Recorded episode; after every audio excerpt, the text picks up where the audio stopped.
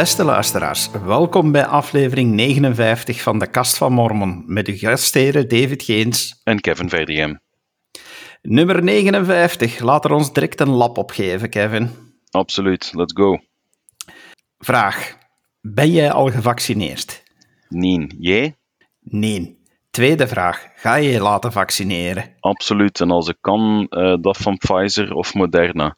Want ik uh, wil een RM, wacht, mRNA um, uh, vaccin als het even kan.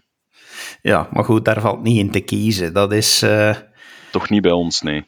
Ik vind één ding, nu dat we het dan hebben, en ik heb nog een derde vraag zo meteen voor jou, maar nu dat je het daarover hebt, eigenlijk zijn we er toch een beetje verwend in. Hè? Want er zijn mensen die dan zeggen, oh, ik moet AstraZeneca niet hebben, uh, het is maar 60 procent. Ja, je weet, ik hou van wetenschap, ik volg heel veel wetenschap, blogs, podcasts en zo. Uh, het griepvirus wordt goedgekeurd als het tegen de 50, allee, niet het griepvirus, het griepvaccin voor alle duidelijkheid, wordt goedgekeurd als het een bescherming van om en bij de 50% heeft. Hè. ja, maar mij heeft, het, mij, heeft het, mij heeft het echt niet te doen, David, omwille van uh, de, de procent um, efficiëntie. Mij heeft het hem te maken om het type. Ik, heb, ik wil graag een vaccin dat mij, uh, dat mRNA, zoals ik dat omschreef, dat mij beschermt tegen in principe alle types coronavirussen, zo lijkt mij dan. Want ze gaan eigenlijk uw RNA gaan herschrijven om de um, kroontjes, de, de uitstulpingen op het virus te gaan herkennen uh, correctie, en dat te gaan. Correctie. Al heel belangrijk om de antivaxers direct tegen te spreken. De, uw, uw eigen RNA wordt niet herschreven, er wordt niks herschreven. De, MR, de mRNA die dat je ingespoten krijgt, is zelf mRNA die je gewoonweg je eigen lichaam de instructies geeft om de bouwpakketten. Het is eigenlijk een recept om een bouwpakket samen te stellen voor een eiwit dat die typische uitsteeksels vormt. Maar aan uw eigen RNA, laat staan aan uw eigen DNA, wordt geen letter, letterlijk, letterlijk letter herschreven.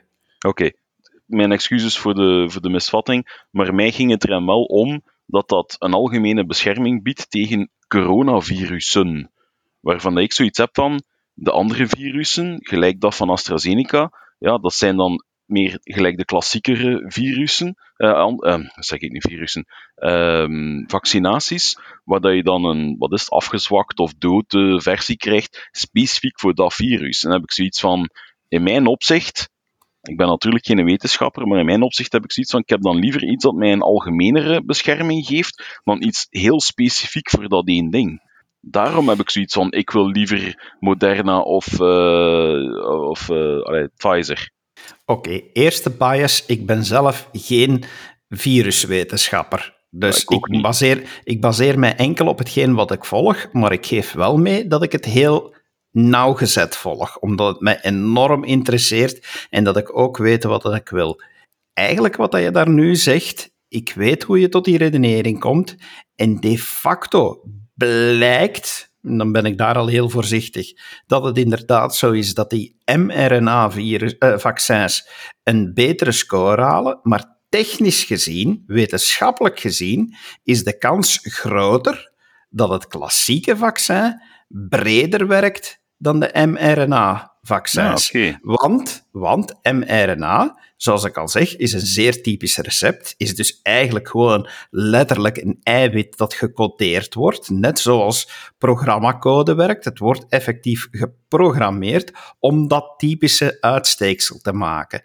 Dat wil eigenlijk zeggen dat het heel goed werkt bij al de virussen en ook varianten die zich aan dat uitsteeksel houden. Maar als een variant nu net zou variëren op het punt van, het, van de uitsteeksels, zou het logischerwijze zo zijn dat de mRNA-virusvaccins, nu begin ik ook al te missen, dat die, dat die eigenlijk minder effectief zouden zijn, omdat die zeer specifiek enkel en alleen maar op dat zeer specifieke uitsteeksel eh, gemunt hebben. Ja, want als ik, um, want ik verwijs nu ook even naar een andere podcast.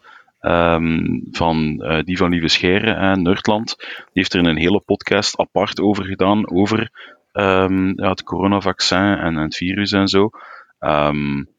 duidelijk moet ik beter opletten, want je hebt me alles moeten verbeteren. maar ik heb voor mijn part dan wel zoiets van, als ik het goed begrepen heb, ja, het feit dat die, um, die kroontjes, die uitsteeksels, dat die bevochten worden, maakt eigenlijk dat het virus geen vat kan hebben op uw cellen en zich daardoor ook niet kan um, voortplanten. Waarin dat het andere vaccin dan wel verschilt, is dat het uw lichaam wel kan binnendringen, maar dan wel als de ziekte bestreden wordt. Dus de ziekte krijgt gewoon geen kans bij het mRNA-vaccin, omdat het gewoon niet kan binnendringen. Daar heb je inderdaad wel een punt. Mocht er nu een variant komen, maar dan is het geen coronavirus niet meer, dan is het gewoon SARS-CoV-2, um, dat, dat is het eigenlijke virus. Um, mocht dat inderdaad gaan muteren en dezelfde ziekte voortbrengen, maar dan zonder die uitstulpingen, ja, dan was het al geen coronavirus niet meer ook. Dus... Wel, wederom, ik ben niet terdege gespecialiseerd, maar van wat ik ervan gelezen heb, één, uh, het zou nog altijd een, een, de varianten die er nu zijn, Britse varianten en dergelijke, uh, zeker de Britse, is en blijft een coronavirus en is wederom naar waarschijnlijkheid, want er is nog te weinig data om echt wetenschappelijke conclusies te kunnen maken, besmettelijker. Waarom is het besmettelijker? Omdat het hetgeen waarmee dat die besmet, beter is. Een pure evolutietheorie. Ja, waarom is die besmettelijker? Omdat die zich makkelijker kan voortplanten en dus daardoor meer voorkomt. Ja? En waarom kan die beter besmetten? Omdat hij het mechanisme van de uitsteeksels heeft aangepast. Dus het is net op dat punt waar dat die gaan beginnen te verschillen omdat die uitsteeksels, die zijn inderdaad bedoeld om zich gaan te hechten aan onze eigen cellen en erop te kunnen binnendringen. Dat is, dat, is, dat is de functie van die uitsteeksels. Dus ja, je kan daar blijven over discussiëren. En ja, dat, dat, is, dat is een technologie en een wetenschap waar de wetenschappers zelf duidelijk nog, nog niet eens over zijn, over wat, uh, wat alle gevolgen zijn. Maar dat brengt me dan wel bij mijn derde vraag die ik voor u had. Uh, het is van, oké, je wilt je laten vaccineren. En je, je hebt dan een duidelijke keuze uh, voor, voor welk vaccin dat je wilt. Dus met andere woorden, je hecht er wel geloof aan, om het woord geloof eens te gebruiken. Ja, voor het eerst sinds de zeven minuten al bezig zijn. Um, ja, uiteraard hecht ik er geloof aan, want ja, ik, ik vertrouw ook wel in de wetenschap. En onze kerkleiders doen dat ook, want ja, ook onze kerkleiders hebben zich al laten vaccineren. Nu, ik denk dat dat makkelijker. Nee, ik zal het anders zeggen dan is de vraag van, is dat nu omdat ze kerkleiders zijn, of omdat het allemaal oude mannen zijn? Want ja, oude mensen krijgen voorrang. Ik denk wel dat, aangezien het over het algemeen in Amerika gebeurd is, of beter gezegd in de Verenigde Staten, dat het wel uh, gebeurd is volgens de regels die daar gelden en dat zij uh, zo snel in aanmerking kwamen omdat ze oud zijn. En echt oud. Hè. Onze apostelen zijn oud. Dat is Kijk, een verwijt. profeet, wat is die, 94 of zo nu? Ja, dus ik denk niet dat ze voorbijgestoken zijn, dat ze een hogere prioriteit hebben gekregen omwille van hun functie. Daar, daar ben ik nu vrijwel zeker van. Ja. Maar, zoals goed, je zegt, ze, hebben, ze hebben zich laten vaccineren, um, publiekelijk ook. Hè. Dus ze hebben dat niet in, in, het geheim gedaan. Ze hebben zich laten fotograferen en zo. Um, dat is ook verspreid geweest in, in onze nieuwsdiensten. Um, wat ik aan zich wel een heel positief teken ook vind naar onze kerkleden toe. Alhoewel dat ik, allee, zo heb ik het toch begrepen, de kerk daar op dit moment nog geen officieel standpunt heeft van je moet u laten vaccineren. Ik ga daar ook weer nuance in aanbrengen, in die ene zin dat je zegt. Uh, ze hebben wel een standpunt, maar het is niet van je moet u laten vaccineren. En dan met de nadruk op het woord moeten. Onze kerk, en daar hebben we het al vaak over gehad, gelooft enorm in keuzevrijheid. Dus er zijn weinig dingen die moeten, wat veel mensen verwondert, want dan zeggen ze toch van ja, maar een kerk en een religie hangt aan elkaar van geboden en verboden. Maar je weet, eh, onze trouwe luisteraars weten alleszins dat het bij ons toch, toch heel vaak gaat over van, ja, als je wilt kiezen, als je zelf kiest voor een, eh, een goed leven, dan zijn er heel wat dingen die we u aanraden, eh, geboden die we u aanraden, want zij zullen u een bescherming zijn, maar je hebt nog altijd de keuze om ze te volgen of niet. Onze kerk heeft in die zin een heel duidelijk standpunt dat je wel mag vertalen als zijnde de vaccinatie wordt aangeraden. Ja. Uh, vandaar ook de heel duidelijke keuze om, dat, uh, om te laten zien dat onze leiders zich, zich zo vrijwillig hebben laten vaccineren. Want er zijn nu eenmaal ja, gelovigen over alle religies heen, zal ik op dit moment maar zeggen. Niet alleen christelijk, maar echt overal. Die, eh, die altijd zoiets zullen hebben van, ja, ik geloof en ik heb niks anders nodig. Er zijn bepaalde geloofsgroepen die daar heel ver in gaan en die dat geneeskunde voor een heel stuk afwijzen, omdat ze redeneren van, ja, als God wil dat ik ziek word, zal het ook Gods wil zijn als ik genees daar hebben wij toch echt wel een andere visie op. Ja, en als je dan kijkt ook naar het verleden, ik weet niet meer of dat Joseph Smith of Brigham Young was, maar ik herinner me nog een verhaal over de pioniers, waar dat er um, mensen bij de profeet kwamen en dan zeiden van, ja, kun je ons geen zegen geven, hè, want wij zijn ziek en zo. En dat hij dan zegt van, ja, maar zijt alles bij een dokter geweest? Allee, ja, dat, dat is ook zoiets van, ja, als je, als je hoofdpijn hebt, ja, pak dan eerst een, een, een paracetamol of zoiets, um, voorleer dat je achter een zegen komt vragen. Niet dat dat niet mag, uiteraard mogen altijd de zegen vragen, maar de Heer heeft ook ja, mensen geïnspireerd en geleid om wetenschappelijke ontdekkingen te gaan maken die ons vooruit helpen. Ja, Ah ja, als uw appendiciet ontstoken is, ja, je kunt een zegen vragen. En als uw geloof sterk genoeg is, dan zult je daarvan genezen. Maar tegelijkertijd ja, is, is een, een, een appendectomie, denk ik dat het noemt, is tegenwoordig een van de meest routineuze operaties die je maar kunt hebben. Maar ja, hoe ver terug in de geschiedenis moeten we niet gaan kijken of mensen gingen daar gewoon dood van. Hè? Ik blijf altijd in, in uitspraak voor ogen halen als ik over zoiets praat met vrienden en zo. En ik denk dat ik ze in de podcast ook al wel gebruikt heb.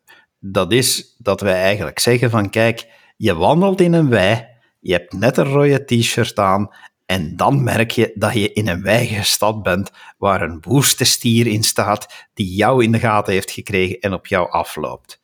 Ja. Je kan dan op je knieën gaan zitten en beginnen te bidden. Maar eigenlijk zeggen onze leiders, dat je dan dom bent. Als je geloof groot genoeg is, dan zal dat inderdaad een redding geven. Maar je hebt toch veel meer kans door heel hard beginnen te lopen en ondertussen te bidden dat je genoeg kracht hebt om sneller te zijn dan die stier. Ik moet hier wetenschappelijke nuance in brengen, David. Uh, Mythbusters heeft empirisch bewezen dat de kleur rood geen effect heeft op een stier. Het is de beweging. Zijn we, zijn, zijn we nu een, een, een nerdland aan het nadoen of zo?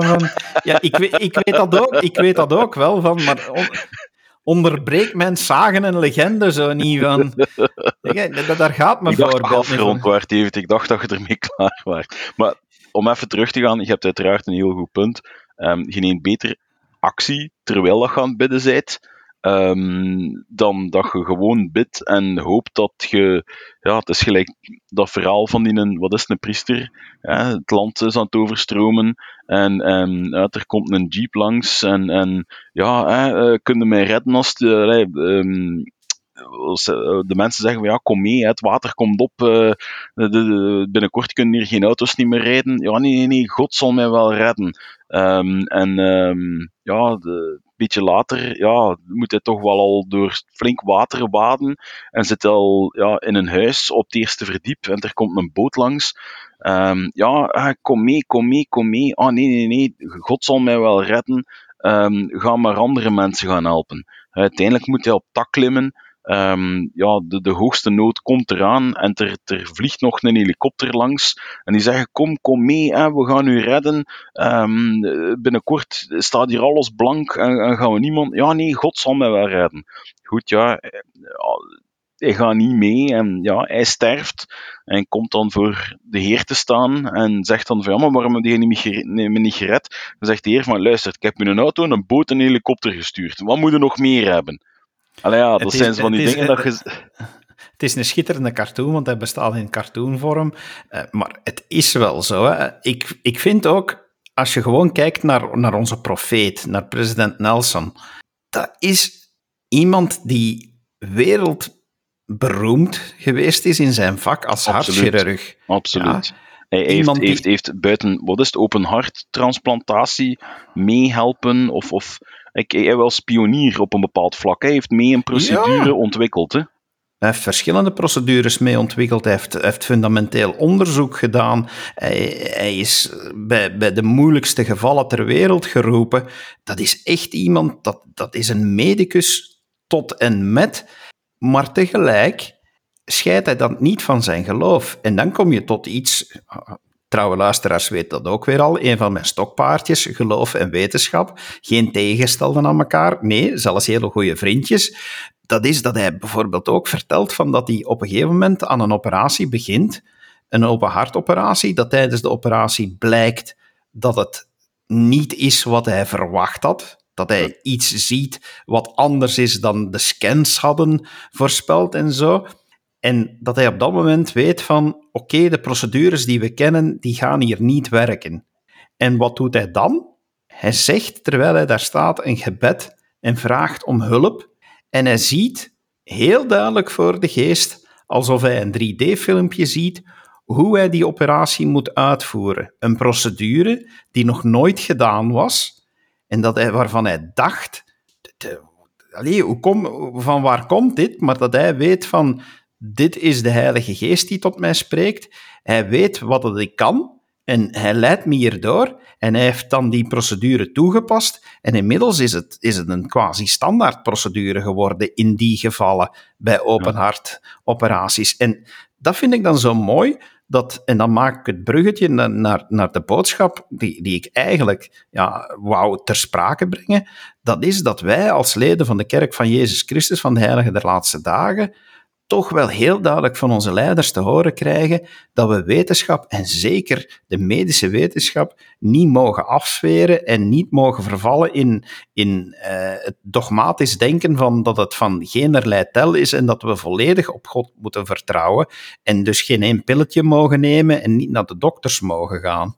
Nee, dat is absoluut een feit. Uh, ja, ik zei het, het is, het, is, het is voor veel mensen geen makkelijke kwestie. Um, juist omdat ze zo dogmatisch werden opgevoed, um, of, of, of geïndoctrineerd zijn. Um, uiteraard, ja, die mensen hebben daar het recht toe om te geloven zoals ze willen.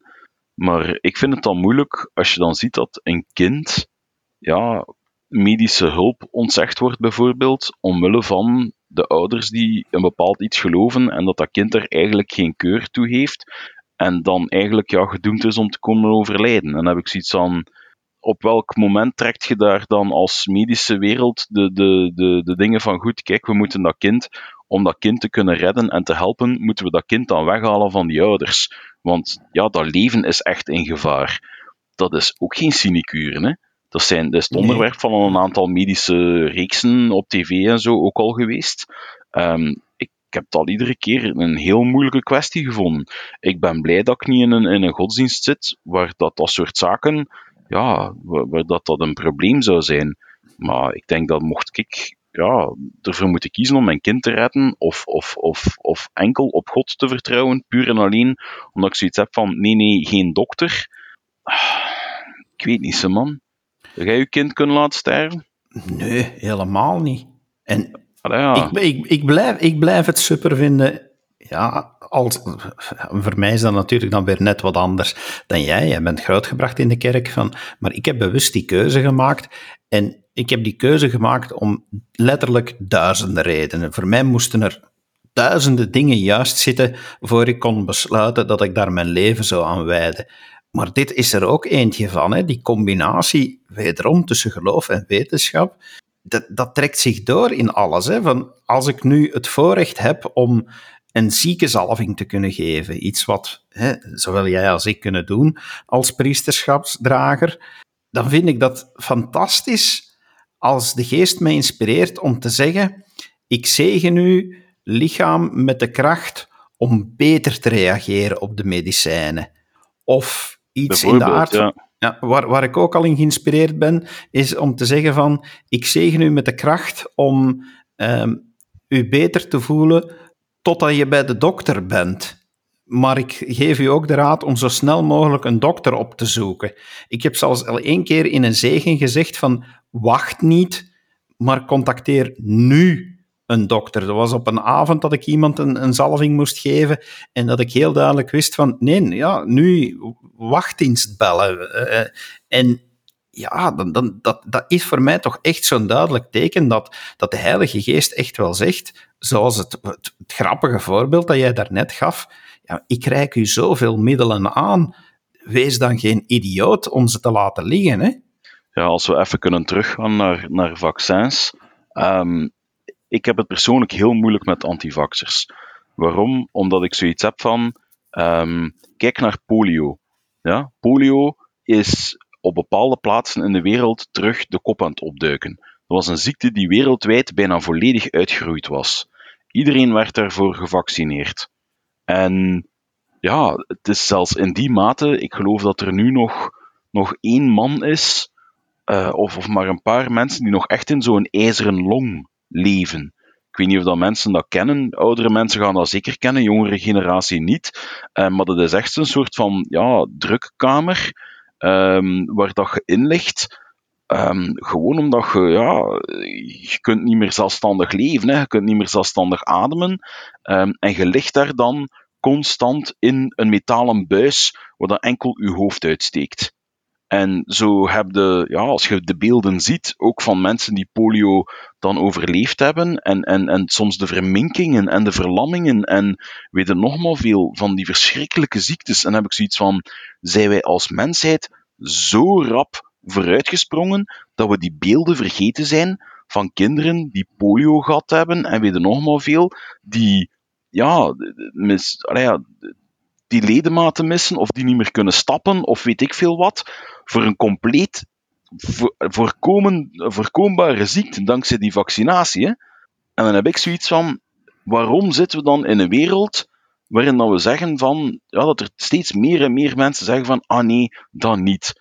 Of nog erger, met die ene onnozelaar die daar ooit, hè, om zijn eigen cijfers op te proppen, beweerde van, ah kijk, um, vaccins die veroorzaken autisme. Als autist zijnde word ik daar kwaad van. Um, en als wetenschapsliefhebber. Want dat is een verhaal dat nog altijd de ronde doet. Die man heeft dat ingetrokken. Die heeft toegegeven onder Ede van kijk, dat was een leugen hè, om mijn eigen business uh, naar omhoog te, te drijven. Um, en, en ah, omdat er zoveel vraag over is, hebben ze daar al ja, honderdduizenden kinderen van baby tot in hun volwassenheid gevolgd om te gaan zien, is er ook maar één greintje waarheid aan? En als je dan ziet dat er zo gigantisch ruim onderzoek naar gebeurt, meer dan op gelijk welk ander vlak, en dat dat dan toch nog altijd de ronde doet, daar word ik boos van. Dan heb ik echt zoiets van, sorry, maar er is zoveel desinformatie in deze wereld, en ja, sorry, het is niet verantwoord. Je zegt nu van dat, dat je iets hebt tegen antivaxers. Ik, ik ja, wederom, iemand zoals ik, die, die enorm veel van wetenschap houdt, ga, ga, daar ook niet aan twijfelen en ga, ga zelfs puur op wetenschappelijke argumenten gaan spelen waarom dat het niet slim is om tegen vaccins te zijn. Maar dat ik nu heel specifiek ga kijken naar, naar mensen die er tegen zijn omwille van hun geloof. Laat ik nu enkel naar, naar die subgroep kijken, ook omwille van de aard van onze podcast, uiteraard. Uiteraard. Ik kan, ik kan dat wel begrijpen, ja, want uiteindelijk. Er wordt gevraagd om een groot geloof te hebben. Er zijn voorbeelden genoeg. In de schrift staat letterlijk dat we ongelooflijke wonderen kunnen doen als ons geloof nog maar zo groot is als een mosterdzaadje. Ja, dus je hebt, langs de ene zijde heb je de belofte dat puur met geloof alles mogelijk is. Ja, dus je zou kunnen zeggen van ja, met puur geloof kan je eender welke ziekte uit iemand zijn lichaam drijven. Christus kon eender wie genezen. Maar mag dat dan doorslaan als zijnde van ja, dat dat de enige manier is? Want dat is dan eh, van die stelling kan perfect waar zijn en die is perfect waar, daar twijfel ik zelfs niet aan. Maar wil dat zeggen dat je moet omgekeerd zeggen dat je enkel en alleen maar mag op je geloof vertrouwen om ziektes te gaan overwinnen. Want uiteindelijk, die, die antivaxers die omwille van geloof weigeren, die geloven allemaal van, ja, als ik nu ga vertrouwen op wetenschap, dan betekent het dat mijn geloof niet groot genoeg is. Ja, dat, en ik kan, ja, dat kan ik, ik kan die redenering begrijpen. Ja, ik kan die ergens begrijpen, Maar aan de andere kant, als je de argumenten ziet die we daarnet ook allemaal aangehaald hebben, waar dat je zegt van ja, goed, um, de Heer geeft ons een hoop middelen, waarom ze dan niet gebruiken, dan heb ik zoiets van, ja, weet je, gebruik ze alle twee, hè. Um, nou ja, het is, niet omdat bepaalde medicatie bestaat dat ze noodzakelijkerwijs gaat aanslaan, bijvoorbeeld, om er iets te zeggen. Ook daar kunnen, gelijk dat jij zei in uw zegen, hè, dat, dat uw lichaam beter de medicatie mag opnemen, weet ik veel wat. Um, maar om maar zo denk... naast u neer te leggen, ik kan het begrijpen, zoals je zegt, vanuit hun standpunt, maar anderzijds heb ik zoiets van, ja, maar snappen zij dan onze hemelse vader wel? Ja, maar ik ben daar dieper gaan over nadenken de afgelopen weken. Om beter te begrijpen, moest iemand mij die vraag stellen en daarmee worstelt om die te kunnen helpen. En ik denk dat als je die redenering volgt van oké, geloof kan groot genoeg zijn om dat te doen, dus als ik dat op een andere manier doe, is mijn geloof niet groot genoeg. Ik denk dat daar nog een tussenstap in zit. En dat is met name het feit van de vraag, is wetenschap des duivels of van God? Want als je gaat zeggen, ja, ik ga op wetenschap vertrouwen en wetenschap is des duivels, dan kan ik die redenering heel goed begrijpen. En waarom zou iemand nu gaan denken, wetenschap is des duivels? Ja, die tussenstap kan ik ook op zich weer heel goed begrijpen, omdat voor heel veel mensen wetenschap eigenlijk de doder van God is. Heel veel mensen zijn gaan geloven in wetenschap en op die manier gaan geloven in wetenschap en gaan zeggen wetenschap kan alles verklaren, dat eigenlijk het verhaal van een god niet meer nodig is om dingen te verklaren. En dan komen we weer inderdaad op mijn stokpaardje terecht ja, als je ze als tegengestelde gaat beschouwen. En dan is die redenering heel goed te begrijpen voor, zich, voor wie zich wel aan de kant van de gelovigen wil scharen, want die beschouwt wetenschap dan als de tegenstander. Maar wederom ben ik dan gelukkig om lid te zijn van deze kerk en die zegt van als het iets goed is, dan komt het van God. Wetenschap ja, stelt ons tot zoveel mooie dingen in staat stelt ons zelfs in staat om de schepping van God beter te begrijpen. We zijn dan in een kerk die ook zegt dat we moeten blijven leren, niet alleen op geloofsgebied, maar ook effectief op wetenschappelijk gebied. Als je dat allemaal optelt, dan valt die tussenstap weg, die tussenredenering weg, en dan zeg je van, zoals jij net zei in je verhaal, en het blijft grappig, maar er zit ongelooflijk veel waarheid in als God ons dat gegeven heeft, ja, dan is het eigenlijk niet aan ons om een goddelijk geschenk te weigeren. Want dan zijn we des duivels. Als we een goddelijk gegeven geschenk weigeren, dan zijn we eigenlijk te dikke. Dan zijn we te hautain. Dan zijn we niet bescheiden genoeg om te aanvaarden dat ons verstand gegeven is gecreëerd is door een goddelijk wezen dat ons in staat heeft gesteld om deze ontdekkingen te doen. En als je dan die redenering maakt, ja, dan hoop ik, met dit ook luid op te zeggen, en als er, als er mensen zijn die luisteren en, en die daaraan twijfelen, als je op die manier gaat beseffen van, ja, maar die wetenschap, dat is inderdaad des mensen, maar des mensen gegeven, omdat we een creatief brein hebben dat zo'n dingen kan scheppen omdat we kinderen van, een scheppende, eh, van scheppende hemelse ouders zijn, ja, dan moet je de redenering gaan omdraaien en dan kom je tot de conclusie, ja jongens, ik, ja, als er wetenschappelijke argumenten zijn om dit te aanvaarden, zijn er geen geloofsargumenten om het te weigeren. En dan ja. denk ik toch dat, dat heel veel mensen eens zouden moeten gaan nadenken. En ik weet dat er anderen zijn, hè. niet om het over politiek te hebben, maar, maar minister Somers in Vlaanderen is nu toch maar een actie begonnen in samenwerking met een aantal VZW's om gelovige groepen, en in de opsomming vermeldt hij onder andere christenen. We moeten weer niet erop denken dat het weer andere uh, religies zijn, om er geen bij naam te noemen, maar onze eigen religie, in religie, christenen, staat er ook uitdrukkelijk in vermeld als een, als een doelgroep die bereikt moet worden om te overtuigen dat het vaccin nodig is. En ik hoop dat we met onze hele redenering die we hier nu opgebouwd hebben, daar toch ons steentje aan bijdragen. spijt genoeg zijn we niet gesponsord door meneer de minister om uh, dit te doen. Ja, dat, uh, ja, geen commentaar. Um, ik denk dat we inderdaad gevoelig moeten zijn voor de mensen die omwille van geloofsredenen uh, nee zeggen. Um, maar ik denk dat het wel nuttig is dat hen een aantal zaken worden duidelijk gemaakt, of dat er in dialoog gegaan wordt voor hun eigen welzijn.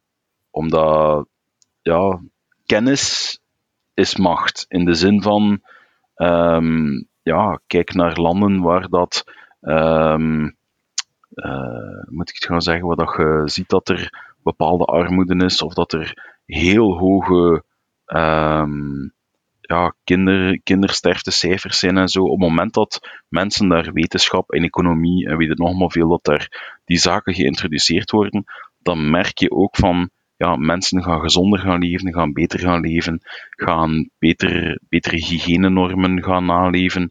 In, in dat opzicht is kennis macht. En dan heb ik zoiets van, dat hoeft niet alleen wetenschappelijke kennis te zijn, dat kan ook absoluut ja, kennis zijn over het evangelie. En inzicht in over hoe God werkt, hoe onze Hemelse Vader met ons omspringt en hoe Hij staat tegenover wetenschap. En ik denk dat we daarin nog altijd een, een, een plicht hebben als kinderen van onze Hemelse Vader om over onze naasten te waken en met hen in de dialoog te gaan. Um, dus ja, dat kan ik wel ergens snappen. En dan kom je natuurlijk tot het feit, want er zullen er zeker zijn die, die net na het horen van mijn redenering daarnet zeggen van, ja maar, wacht eens even, als het goed is, komt het van God. Er gebeuren ook heel veel slechte dingen door wetenschap. Ja, maar in dat opzicht is, is wetenschap toch ergens neutraal in de zin van, wetenschap is wetenschap. En je kunt daar goede dingen mee doen en je kunt daar slechte dingen mee doen. Kijk naar, naar, naar het nucleaire om maar iets aan te halen. Ik zie u denken, ik denk dat, dat ik op hetzelfde spoor zit. Um, ja, met, met nucleaire uh, wetenschap ja, is, is medische beeldvorming bijvoorbeeld mogelijk ge gemaakt. Is uh, goedkope CO2-neutrale um, energie, stabiele energie mogelijk geworden. Maar terzelfde tijd zijn er ook kernwapens mee ontwikkeld. Um, het is niet Perfect hetzelfde voorbeeld waar, waar ik inderdaad aan dacht. En dan kom je tot het feit van, ja, maar gelukkig hebben wij een geweten om te beslissen waar wordt wetenschap ten goede gebruikt en ten slechte. Want je kan die redenering blijven doortrekken. Hè? Want dan gaan er sommigen zeggen van, ja, maar ja, hè, wetenschap heeft het ook mogelijk gemaakt om aan geboortebeperking te doen. En daar zijn jullie dan toch ook als leden van de kerk heel voorzichtig mee om uitspraak te doen. Wetenschap heeft abortus mogelijk gemaakt, dus dan moet je abortus maar meteen goedkeuren. Uh, ja, het is ook een argument dat evengoed in mijn redenering tegen uh, mij en tegen ons geloof zou kunnen gebruikt worden. Maar dan kom ik tot het punt ja, waarvan dat ik zeg, ben ik weer blij om lid te zijn van deze kerk, die een levende profeet heeft, die apostelen heeft, en die dat in gevallen waar dat twijfel mogelijk is, daar gewoonlijk heel snel weten dat ze uitspraken moeten doen.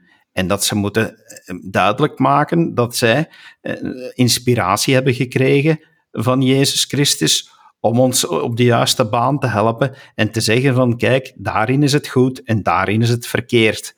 Als je eigen geweten niet voldoende uh, onderscheid kan maken, zijn zij er om ons te helpen. Absoluut.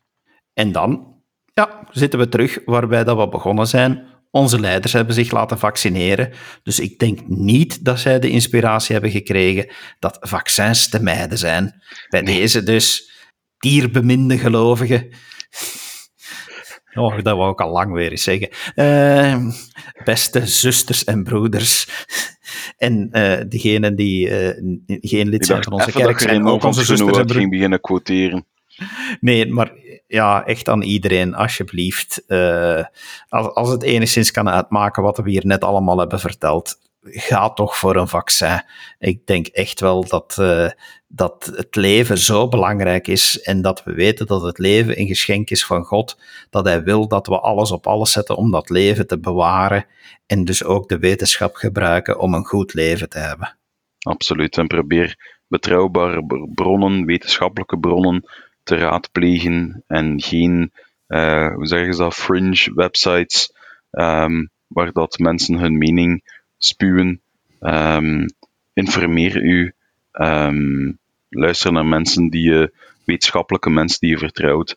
Kan zeker ook die, die podcast van Lieve Scheire van, van Nerdland, Nerdland Podcast toekoer aanraden, maar die aflevering over het uh, vaccin um, des te meer.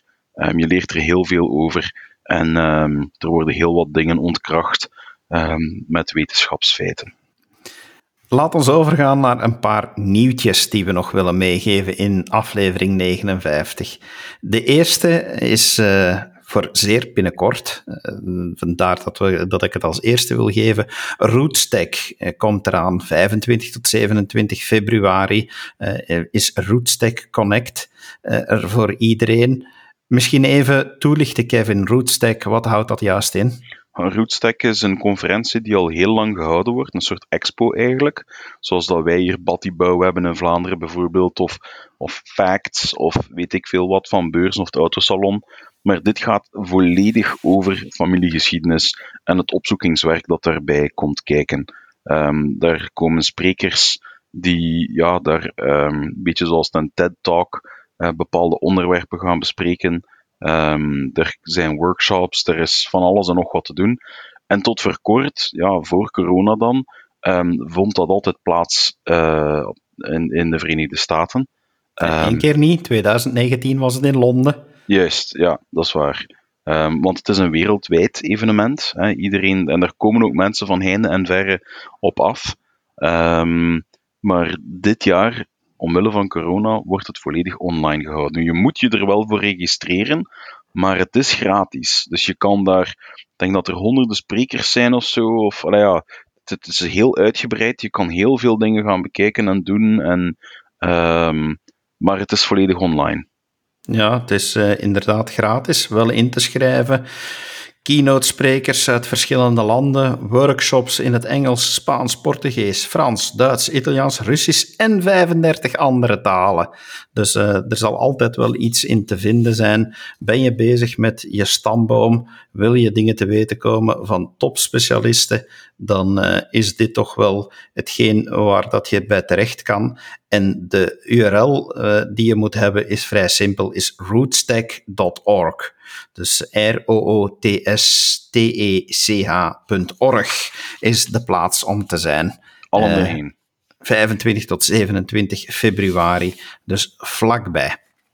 Dat is al uh, dit wat, uh, wat voor de deur ligt. Ik blijf bij het wetenschappelijke. Daar gaat mijn stokpaardje weer. Um, we, we, we, gaan de ruimte in. Um, iedereen die, die het wel een beetje volgt, zeker ook degene die dat, uh, de reeds genoemde Nerdland-podcast uh, volgt, lieve Scheire, als je dit hoort, doe eens ook een shout-out naar onze podcast, alsjeblieft. Recent, uh, zocht, hij, recent zocht hij iemand, allez, ik denk dat het half al lachend was, maar dat hij zei van, ja, we zouden zo eigenlijk zo een, een, een, een, een, een religieuze nerd moeten hebben, die zo over religieuze dingen ook een, een ding... En ik had iets van, potverdorie, Dave en ik zouden ons moeten opgeven om, uh, om mee te doen. Ja, wie weet. Uh, maar dus, ja, waar, waar ik wou naartoe komen, lange inleiding om te zeggen, de NASA heeft weer eens een stuk speelgoed op Mars gedropt. Uh, ja, een, um, een telegeleid autootje. Met, met helikopter erbij. Er zit een helikoptertje een, bij. Ja, met een zelfvliegend helikoptertje, nota bene.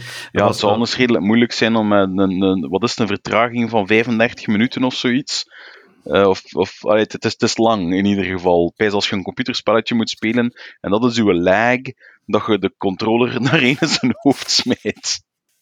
Inderdaad. Maar, maar, maar, maar, maar. En dat is dus het leuke, want anders zouden we het niet vermelden. Er is een connectie naar onze kerk.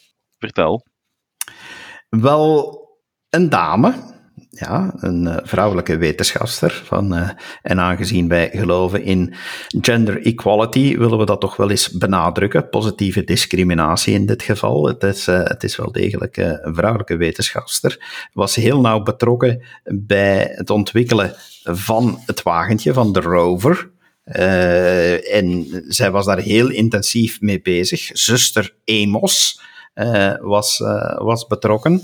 Maar ehm, ja, je zou kunnen zeggen van dang, ja, zijn hele carrière was, was naar dat punt aan het toegroeien. En vlak voor het, uh, het project gelanceerd werd, in juli vorig jaar, geloof ik, ja, juli 2020 is het gelanceerd.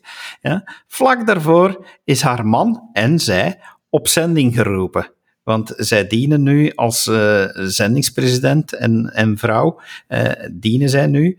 En ja, ze heeft dus de lancering gemist, maar ze heeft dus ook de landing professioneel gemist.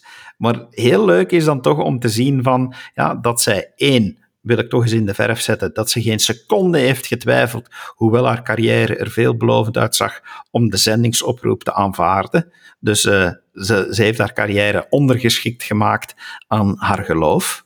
Dat is al zeker vermeldenswaardig.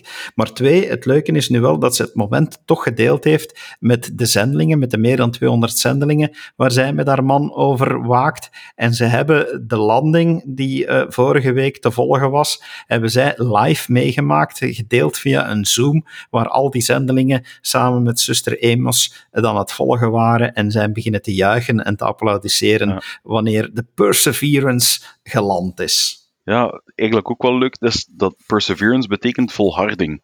En laat dat nu toch wel een van onze doctrinepunten zijn, volharden tot het einde. Allee, van dit aardse bestaan dan, hè, bedoel ik. Uh... Ja, omdat er anders geen einde is. We moeten wel blijven volharden. Dus dat. Nee, maar ik vond het toch uh, zo iets tussen de lijnen door uh, dat je niet in het alledaagse nieuws vond. Vond ik toch wel de moeite waard om even te vermelden absoluut. Um, we hebben ook Schots nieuws. Ai. Ai, laddie. Of, of, is dat Iers? Nee, hè? Nee, nee, nee. Ai, dat zeg je vooral in, uh, in Schotland om ja te zeggen.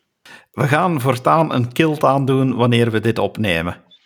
Oh man, mocht ik, mocht ik er het geld voor hebben, onmiddellijk. Maar die kosten, een goede kilt kost iets van een 500, 600 pond. Dus uh, dat, is, dat is niet mis. Zeker als je weet dat sinds de brexit, zonder politiek te willen gaan doen, dat je daar gigantische invoertaxen op moet betalen. Ja, maar dat is dus niet het nieuws dat je nee, wou meegeven, nee. want dit is, dit is fake nieuws. We gaan geen kilt aandoen. Jee, we hebben fake nieuws gebracht in de kast van Mormon. Hebben we dat ook eens gedaan.